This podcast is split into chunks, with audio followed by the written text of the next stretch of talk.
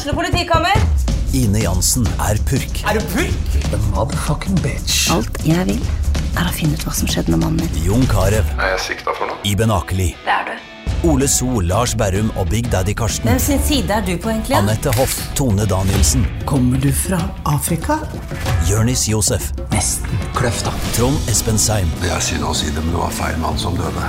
Purk. Premiere tirsdag på TV2 Play. Hei, takk for at du lytter til Søvnløs. Skulle du ønske at du kunne høre en ny episode av denne podkasten hver eneste uke? Vel, da er det bare å laste ned podkastappen Untold med en gang.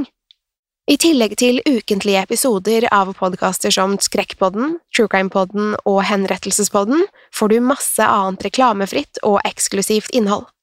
Last ned Untold i AppStore eller Google Play, og start din 30 dagers prøveperiode i dag.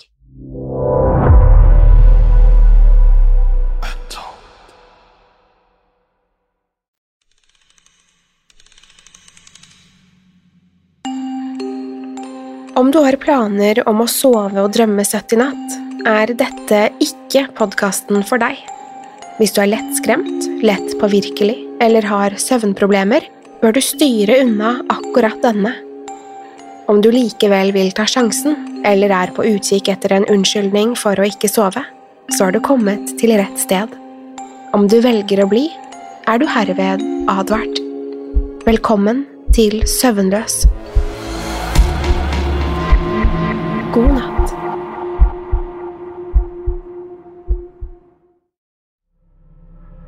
Teltene dukket opp over natten uten forvarsel.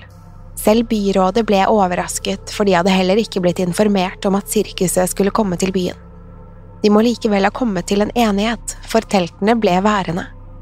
Byen vår var ikke engang stor nok til å holde søndagsmarkeder, så dette var noe helt spesielt. Jeg var bare 15 år den gangen og måtte reise sammen med storebroren min Tommy og vennene hans. Hadde moren min visst hvor fæle de var mot meg, hadde hun heller latt meg gå alene. Det er jeg ganske sikker på. Hvor mange penger har du? spurte Frank mens han slo meg hardt i skulderen. Av de tre guttene hatet jeg ham mest av alt. Alt han gjorde var å slå, tuppe og dumme meg ut, alt mens min egen bror sto og lo. Han var dobbelt så stor som meg, og jeg drømte stadig om den dagen jeg kunne ta igjen på dem alle. Jeg ga ham hundrelappen jeg hadde fått av moren min, men beholdt en femtilapp jeg hadde gjemt på innerlommen. Om ikke jeg skulle få gjøre alt jeg ville, skulle jeg i det minste få kjøpt meg et sukkerspinn eller en kjærlighet. Faren min var tannlege, så vi hadde aldri godteri hjemme. Dette var en av få muligheter til å få i meg litt søtsaker.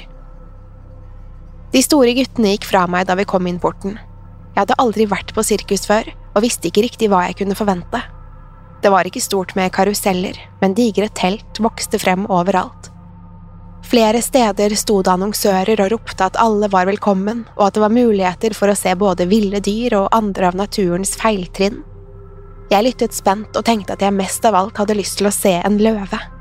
Jeg hadde sett den på TV og var mer enn villig til å gi fra meg 20 kroner for å se den på ekte. Teltet luktet av sagmugg, svette og dyrelort. Likevel var det noe av det mest fantastiske jeg noen gang hadde sett. Jeg satte meg på en benk og ventet på at forestillingen skulle begynne, og jeg ble ikke skuffet. Som forventet var det løvene som imponerte meg mest. Jeg visste at de var store, men jeg hadde aldri sett for meg hvor enorme de faktisk var. Etter forestillingen vurderte jeg faktisk å bruke 20 kroner til på å se den igjen, men da hadde jeg ikke hatt penger til sukkerspinn. Mens jeg vandret glad og fornøyd mot matbodene, hørte jeg en jente rope etter meg.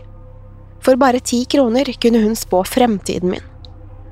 Jeg stirret på henne, nærmest i en slags transe. Hun var omtrent på min alder og hadde to forskjellige farger på øynene. Et sekund funderte jeg på om det kunne være linser. Ett var isblått, mens det andre var mørk som det dypeste hav. Langt, svart hår falt vakkert over skuldrene hennes. Leppene hennes var farget røde, og hun var ikledd lette, fargerike stoffer, ikke ulikt noe jeg hadde sett på TV en gang av en magedanserinne. Hun grep tak i hånden min og førte meg inn i et lite, trangt telt. Vi satte oss på små puter på gulvet. Hele tiden stirret hun inn i håndflaten min mens hun messet vage spådommer. Så flyttet hun blikket mot meg og stirret meg rett inn i øynene. Uten å blunke ba hun meg stå opp for meg selv og andre, og aldri la noen kontrollere meg. Jeg skalv litt da hun sa ordene. Det var som hun visste hvem jeg var, og det skremte meg. Så viste hun meg ut av teltet sitt med en hånd over armen min. Det første vi fikk se da vi kom ut, var Tommy og vennene hans. De sto og gliste ondskapsfullt mens de nærmest gned seg i hendene.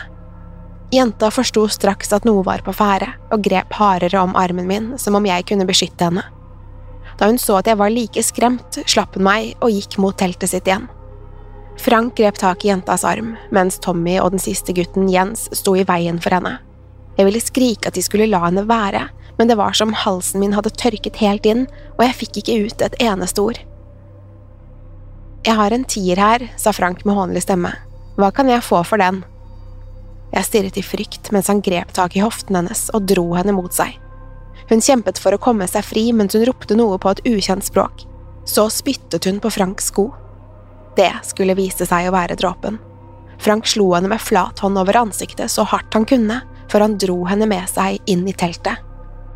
Jeg snudde meg for å løpe, men da spente Jens ben på meg. Jeg tumlet i bakken og kjente munnen min fylle seg med blod. Jens dro meg opp igjen, og jeg kunne høre lyden av kniven som han dro opp fra lommen.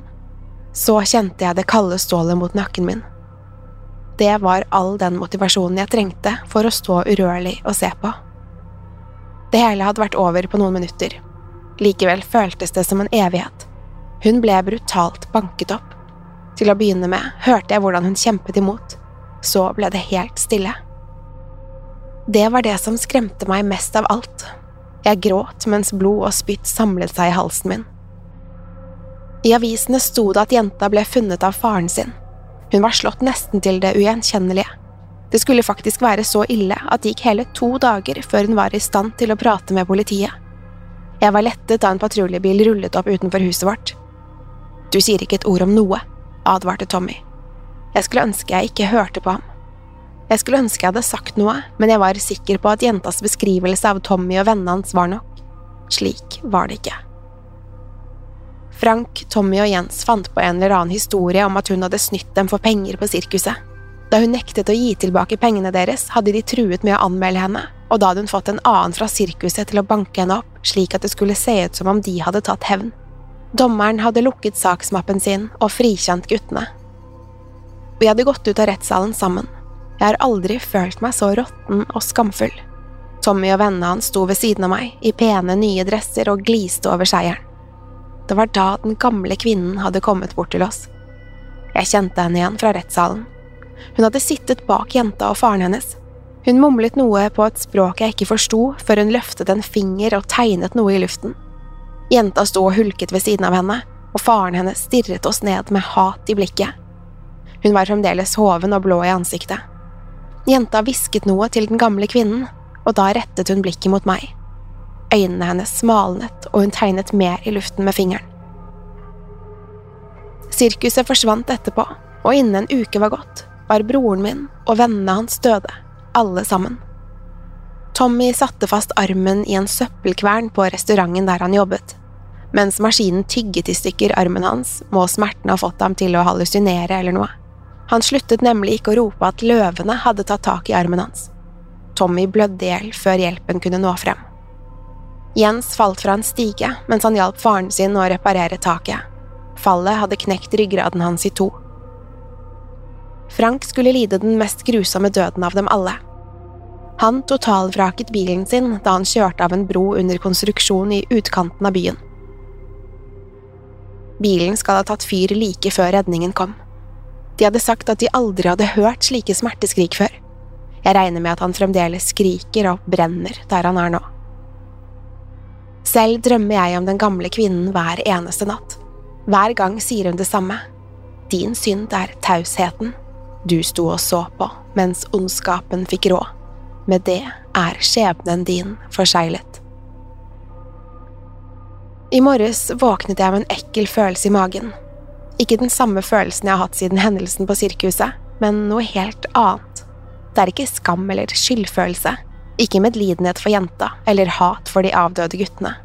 Det er som en rumling helt nederst i innvollene mine, noe som bobler og velter seg. Jeg vet at det er min tur, men jeg aner ikke hva slags straff som venter meg. Jeg var ikke delaktig i overfallet, men jeg gjorde heller ingenting for å stoppe det, verken underveis eller etterpå. Hva venter en ussel tilskuer til ondskap? Er dommen døden? Jeg frykter noe verre.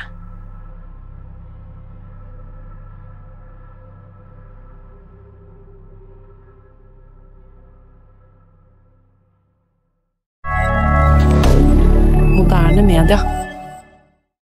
Har du et enkeltpersonforetak eller en liten bedrift? Da er du sikkert lei av å høre meg snakke om hvor enkelt det er med kvitteringer og bilag i fiken, så vi eh, gir oss her, vi. Fordi vi liker enkelt. Fiken superenkelt regnskap.